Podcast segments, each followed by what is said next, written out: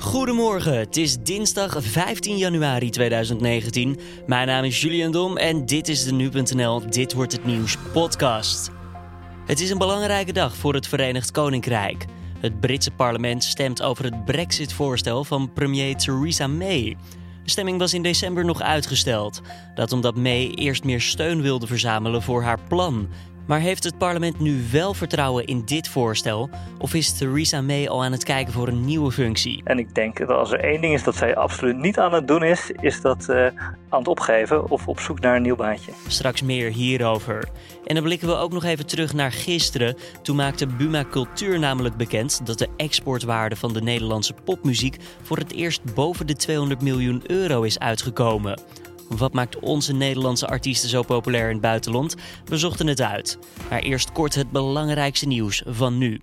Vorig jaar zijn 360 asielzoekers, waarvan 210 minderjarigen, uit opvanglocaties verdwenen. Dat schrijft de Volkskrant. Dat is 20% meer dan in 2017 het geval was. Toen kozen nog 330 asielzoekers de illegaliteit. En daarvan waren er 170 minderjarig.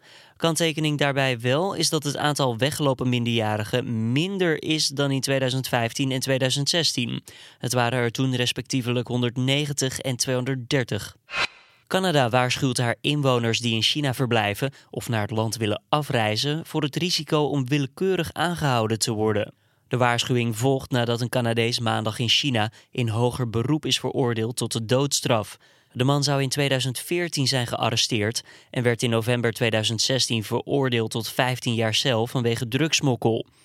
Justin Trudeau, de Canadese premier, uitte daarop zijn zorgen en zei dat China ervoor heeft gekozen om willekeurig de doodstraf nu toe te passen. But I will say it is of extreme concern to us as a government, as it should be to all our international friends and allies, that China has chosen to begin to uh, arbitrarily apply uh, death penalty in cases uh, uh facing, uh, as in this case, facing a Canadian.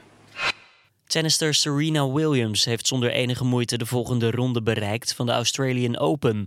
De Amerikaanse, die op haar 24ste Grand Slam titel jaagt, versloeg in twee sets met 6-0 en 6-2 Tatjana Maria uit Duitsland. De 37-jarige Williams had in de Rod Laver Arena aan een kleine 50 minuten genoeg om de tweede ronde te bereiken. De satirische comedieserie Family Guy gaat stoppen met het maken van grappen ten koste van de LHBT-gemeenschap. Het besluit werd zondagavond in de nieuwste aflevering onthuld. That's just a guy from Rhode Island. You're the president of the United States. You're not just a guy from Rhode Island. You're Peter Griffin from Family Guy. Many children have learned their favorite Jewish, black, and gay jokes by watching your show over the years. In fairness, we've been trying to phase out the gay stuff. But you know what? We're a cartoon. You can turn us off. You're the president. We can't turn you off. Dat was hoofdpersonage Peter Griffin die het nieuws vertelt aan een cartoonversie van president Donald Trump. Het voornemen werd later ook bevestigd door de makers van de serie. Bedenker Seth MacFarlane en de producenten van de serie vinden dat het schrappen van grappen ten koste van de LHBT-gemeenschap bij deze tijd past. En dan gaan we naar de interviews van vandaag, oftewel dit wordt het nieuws. Het is een belangrijke dag voor het Verenigd Koninkrijk. Het Brits parlement stemt namelijk over het Brexit-voorstel van premier Theresa May. De stemming werd in december nog uitgesteld. May wilde toen eerst meer steun verzamelen voor haar plan. Nou, is die broodnodige steun er nu ook daadwerkelijk? Of is er een stemming die gedoemd is om te mislukken? Is dit bijvoorbeeld ook het cruciale moment voor de Brexit? Nou, dat vraagt collega Carne van der Brink aan Thomas Moerman van onze economieredactie. Ja, zeker. Nou, het is natuurlijk uh, een van de cruciale momenten. Er zijn er een hoop geweest de afgelopen tijden. Uh, maar dit is toch wel een beetje waar het uh, om draait. De deal die Europa en de Britse regering hebben ja, bedacht. daar zijn ze uitgekomen en die moet het parlement nog goedkeuren. Dat zou eigenlijk in december gebeuren. Toen zei Theresa May, we hebben de stemmen niet, dus laten we het uitstellen. Nu, ja, nu zijn we daar. En het is de vraag of ze nu de stemmen wel heeft, eerlijk gezegd. Ja, want hoe was de aanloop naar deze dag voor premier Theresa May? Uh, nou ja, dus volgens mij heeft ze het aan, um, vrij rustig gehouden. Het was natuurlijk ook gewoon kerst in het Verenigd Koninkrijk. Gisteren is ze naar Stoke-on-Trent gegaan. Uh, dat is een, een, een, stadje een beetje in het noorden van, van Engeland, als ik het goed heb. Ehm, en daar, daar, heeft ze in een fabriek nog een speech gegeven. en daar zei ze, um, nou, als, als, als, als, er geen, als deze deal wordt afgekeurd, dan is de kans op een geen brexit groter als geen deal brexit. en daarmee probeert ze natuurlijk in te spelen op het uh, idee dat ja, toch de meerderheid van het land heeft gezegd dat ze een brexit willen. Uh, en die, nou ja, goed, uh, die worden dan niet tevreden als de brexit niet doorgaat. Oh, op dit moment is er natuurlijk veel gedoe om die voorlopige deal er is. Heel veel mensen staan er niet achter. Een van de grote oorzaken is, daar ga ik je niet naar vragen wat het precies is. want wij hebben al meerdere malen gesproken. Dat is natuurlijk die Ierse grens, de backstop. Maar het gegeven blijft natuurlijk wel of daar nog steeds beweging in zit. In die onderhandeling. Zit die muur vast of kunnen ze daar nog wel een beetje in onderhandelen? Nee, die onderhandeling is er niet. Um, de EU heeft gezegd, uh, we kunnen wel een aantal dingen uh, uh, uitleggen. of extra verhelderen, maar we gaan niet opnieuw onderhandelen. veel Britse politici zijn bang dat er, nou ja, is een soort van een noodstop, dat hebben we al een paar keer eerder besproken. Nou, die kan alleen maar op worden gezegd uh, met de EU en het VK samen. Dus uh, nou, dat is een beetje een ingewikkeld verhaal. En veel Britten zijn dan bang dat ze voor eeuwig in die nooddeal blijven zitten. Nou, de, de Euro Europese Unie heeft nu gezegd. Dat is niet onze intentie. Wij willen dit oplossen als, als dit zou uh, gebeuren. en verder gaan ze niet.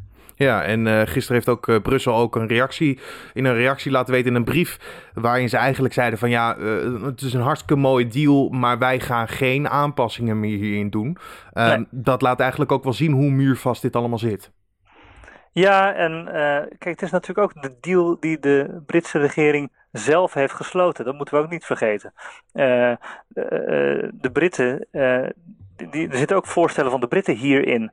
Het is gewoon anderhalf jaar lang, ruim, hebben ze hierover onderhandeld. Uh, dus het is een vrij on onhandige situatie waar ze nu in zitten. Ja, May waarschuwde dat als er niet voor het plan wordt gestemd uh, vandaag, dat er een kans bestaat dat er helemaal geen brexit komt. Ja, ja. Is die kans groot, denk jij?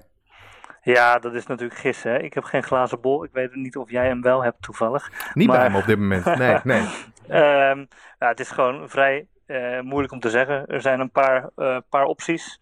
Uh, er kan artikel 50, dus de, kan worden uitgesteld. Dat betekent dat de dag waarop de Britten uit de EU stappen, dat dat wordt verplaatst naar verder in de toekomst. Dat is nu 29 maart, 11 uur s'avonds voor de Britten, dus dat is 30 maart voor ons.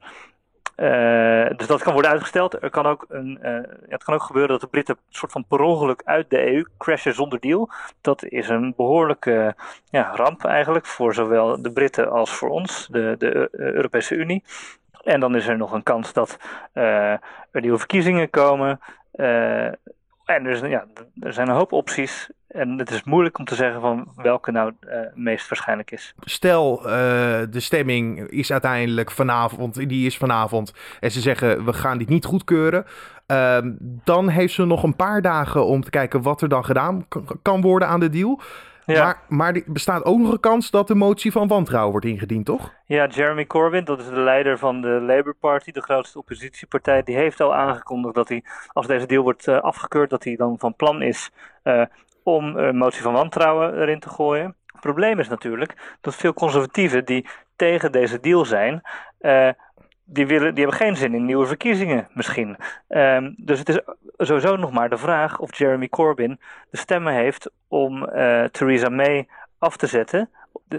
Dus er is zoveel dat onzeker is. Ja. Uh, het is gewoon moeilijk. We zitten, ik zeg het ook heel de tijd, maar we zitten echt in uncharted territory. Ik denk dat stiekem ook uh, Theresa May op dit moment wel de Engelse vacature-sites in de gaten aan het houden is. In ieder geval voor de zekerheid. Altijd als denk, backup. Dat denk ik dus echt niet. Als we de afgelopen, uh, afgelopen jaren eigenlijk naar Theresa May hebben gekeken, is er één ding dat haar heel de tijd uh, echt typeert. En dat zij tot op het bizarre aan toe altijd stug doorgaat. Zeker. Uh, ja, en dat, dat is wel. natuurlijk uh, uh, haar kracht en misschien ook een beetje haar zwakke punt op een moment. en ik denk dat als er één ding is dat zij absoluut niet aan het doen is, is dat aan het opgeven of op zoek naar een nieuw baantje. De ruggengraat van de Brexit. ja. Thomas Moerman was dat van onze economieredactie in gesprek met Carne van den Brink. Buma Cultuur maakte gisteren bekend dat de exportwaarde van de Nederlandse popmuziek voor het eerst boven de grens van de 200 miljoen is uitgekomen. Vooral de dance doet het in het buitenland erg goed. Denk bijvoorbeeld aan artiesten als Martin Garrix en Chesto. Wat maakt onze Nederlandse artiesten zo populair daar in het buitenland? Nou, dat is iets wat Carne van der Brink bespreekt met muziekjournalist Atse de Vries van 3 voor 12. Hoe verklaart hij dit succes? Nou, als je naar die 200 miljoen kijkt, dan zie je dat dat ongeveer voor een driekwart uh, voor rekening komt van de DJ's, producers, dus de dancewereld. Dat is natuurlijk niet een verhaal dat van gisteren is. Um, vanaf, uh, eigenlijk vanaf de eeuwwisseling zie je natuurlijk al dat Chesto en Armin van Buren en de, de grote trends DJ's internationaal doorbreken. Rond 2012, 2013 zie je dat er in Amerika heel veel veranderd is, waardoor ja, gewoon ongelooflijk veel DJ's de overstap hebben kunnen maken naar Amerika. Uh, en die, uh, die ontploffing die is eigenlijk niet ten einde gekomen. Je zou kunnen zeggen dat de EDM, zoals het toen heet, een beetje voorbij is. Maar heel veel DJ's hebben nu echt nog steeds een carrière, ook in Amerika. En daar zijn er alleen maar meer bijgekomen. Dus de artiesten die doorbraken, zijn dat nog steeds succesvol. Uh, en de, nieuwe artiesten als Yellowclaw, Rehab, uh, die zijn allemaal bijgekomen. Die, die, spelen gewoon heel veel in het buitenland. Tot soms wel meer dan 100 keer per jaar. Ja, want je zal het wel heel snel hebben over die nieuwe generatie die op dit moment bovenaan de, de hitlijsten staan. Die op de nummer 1 posities uh, staan. Zoals Martin Garrix, Everjack, Lucas en Steve en ga zo maar door. maar die oude generatie ja. die jij ook al noemde, zoals Chesto, die treedt ook nog als een gek op. Dus beide kanten hebben nog steeds heel veel waarde, laat ik het zo zeggen. Zeker, en daar komt bij dat veel uh, artiesten hun uh, territorium ook een beetje uh, uitbreiden. Met name Azië is daar de afgelopen paar jaar bijgekomen. en wat natuurlijk ook een, terrein is wat interessant is, is dat er achter de schermen in de popmuziek, met name in Amerika, wordt heel vaak met teams gewerkt. Dus een artiest maakt niet in zijn eentje een track, nee. Daar zit een heel team aan songwriters in de studio. En sommige Nederlanders, omdat Nederlanders nu goed liggen in de markt, hebben zich ook goed in die, uh, in die rol kunnen werken. Bijvoorbeeld Giorgio Tuinfort is een artiest die achter de schermen heel uh, grote carrière aan het maken is eigenlijk. Hij heeft uh, nog met Michael Jackson gewerkt toen hij nog leefde. Hij heeft met Akon gewerkt en is de afgelopen jaren een van de vaste mensen in het team bij David Guetta. die natuurlijk een, ja, een van de toonaangevende DJ-producers van de afgelopen jaren is. Een Fransman die gewoon ja, toch al inmiddels een jaar of tien echt, echt aan de wereldtop staat. En dat segment van de markt zie je niet zo heel erg. Er zijn natuurlijk heel veel producers die nu bijvoorbeeld voor hip-hop produceren in Nederland. Die ook die weg willen proberen te belopen. Dus contact leggen met Amerikaanse artiesten met name. En in die songwriters teams terechtkomen. Ik ben eigenlijk wel benieuwd naar het keurslijf van een Nederlandse artiest. Waarom zijn die Nederlandse artiesten nou zo populair in het buitenland? Is er een bepaald keurslijf? Nou nee, kijk, als je kijkt naar die dance, dan zie je dat uh, Nederland eigenlijk in de jaren negentig al een uh, hele professionele industrie had. Met feesten van IDT bijvoorbeeld, die gewoon altijd op hoog niveau zijn geweest. In Amerika, waar house en techno notabene uitgevonden zijn, hebben ze er heel lang eigenlijk niet echt naar uitgekeken. Uh, en, naar omgekeken moet ik zeggen. En, dat heeft eigenlijk als effect dat toen ze op een gegeven moment weer ging, gingen, uh, geïnteresseerd werden in, in, in dancemuziek, dat de Nederlanders gewoon op dat vlak een enorme voorsprong hadden. Dus daar waren gewoon heel veel DJ's die al jaren en jaren in Nederlandse clubs, in Europese, op Europese festivals, heel veel hebben gedraaid. En die dus gewoon meters hebben gemaakt die je nodig hebt om internationaal te kunnen doorbreken. Ja, en dan, maar dan hebben we het gehad over de dance scene. Uh, dan heb je ook ja. nog uh, de klassieke muziek die het goed doet van Nederlandse bodem. En dan zeker André Rieu, die natuurlijk in elke ja, gedeelte van de wereld wel op een gegeven moment staat een week lang. En die is denk ik meer ja. onderweg dan thuis. Uh, maar in welke genres moeten wij als Nederland nou nog echt gaan investeren? In welk, op een internationaal gebied? Waar moeten we nog stappen maken? En André Rieu is natuurlijk echt een beetje een geval apart, want die heeft eigenlijk klassieke muziek in de markt gezet alsof het popmuziek is. En daarom past hij ook in dit Puma Cultuur onderzoek, want het gaat eigenlijk over popmuziek. André Rieu is eigenlijk een popact die liedjes, om het zo maar even te zeggen, van Strauss brengt. Je ziet wel dat bijvoorbeeld bands als uh, Kensington, die hier stadions uitverkopen, dat niet zomaar na kunnen doen in uh, andere delen van de wereld. Maar kijk, zij hebben natuurlijk ook een belangrijk verschil. Een DJ kan heel makkelijk met een tourmanager of zelfs alleen in een vliegtuig stappen. Terwijl een band die gaat toeren, ja, die heeft gewoon een hele productie bij zich. Heeft instrumenten bij zich, heeft geluidstechnicus, licht. allemaal dat soort dingen moet je meenemen. Het is veel moeilijker om dat naar het buitenland te brengen dan uh, als DJ. Er zijn ook echt heel veel mensen waar de meeste gemiddelde luisteraars van deze podcast nooit van gehoord zullen hebben, maar die ja, eigenlijk omdat het zo makkelijk is te toeren als DJ, internationaal een carrière kunnen hebben. En dat is voor bands veel en veel moeilijker. Mhm. Dat is het altijd geweest en dat is ook niet echt veranderd. Denk je wel dat internationale landen zoals Amerika of uh, nou, misschien de Azi Aziatische landen wel openstaan voor een ander soort Nederlandse muziek, zoals ja, uh, hip-hop of echte pop? Denk je dat ze daarvoor openstaan? Nou, wat een, een kans zou kunnen zijn, is dat er. er zit een. Kijk, de popmuziek van het moment is natuurlijk hip-hop. Dus uh, dat, dat is gewoon zo mainstream geworden. Dat geldt zeker in Amerika ook, maar ook in Nederland. Dus je zult zien dat uh, Nederlandse producers die stap echt wel willen maken. Dat zal voor een belangrijk deel best wel onzichtbaar zijn, omdat je dan gewoon in een team werkt en misschien wel onder de vlag van een andere producer.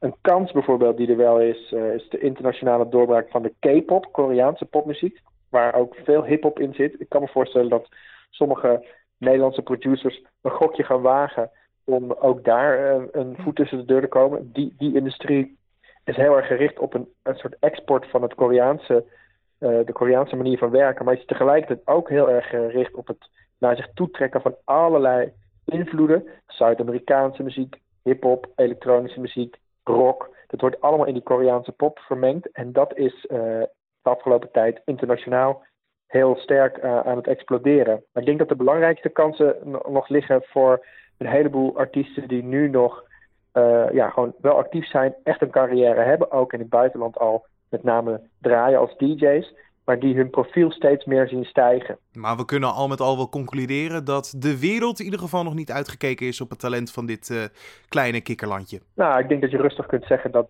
dit, deze periode de belangrijkste bloeiperiode in de Nederlandse popmuziek internationaal gezien is die we ooit hebben gehad. Kijk, we kennen de voorbeelden van Golden Earring en Shocking Blue die, en Too Unlimited. En het zijn allemaal één dingen die het in het buitenland deden, maar zo breed dat eigenlijk een genre uh, vertegenwoordigd is op zo'n hoog niveau op, op het wereldtoneel door, door Nederlanders, dat is eigenlijk gewoon nog nooit gebeurd. En daar lijkt voorlopig ook nog niet echt een einde aan te komen. Je hoorde muziekjournalist Adse de Vries van 3 voor 12 en de muziekindustrie podcast De Machine.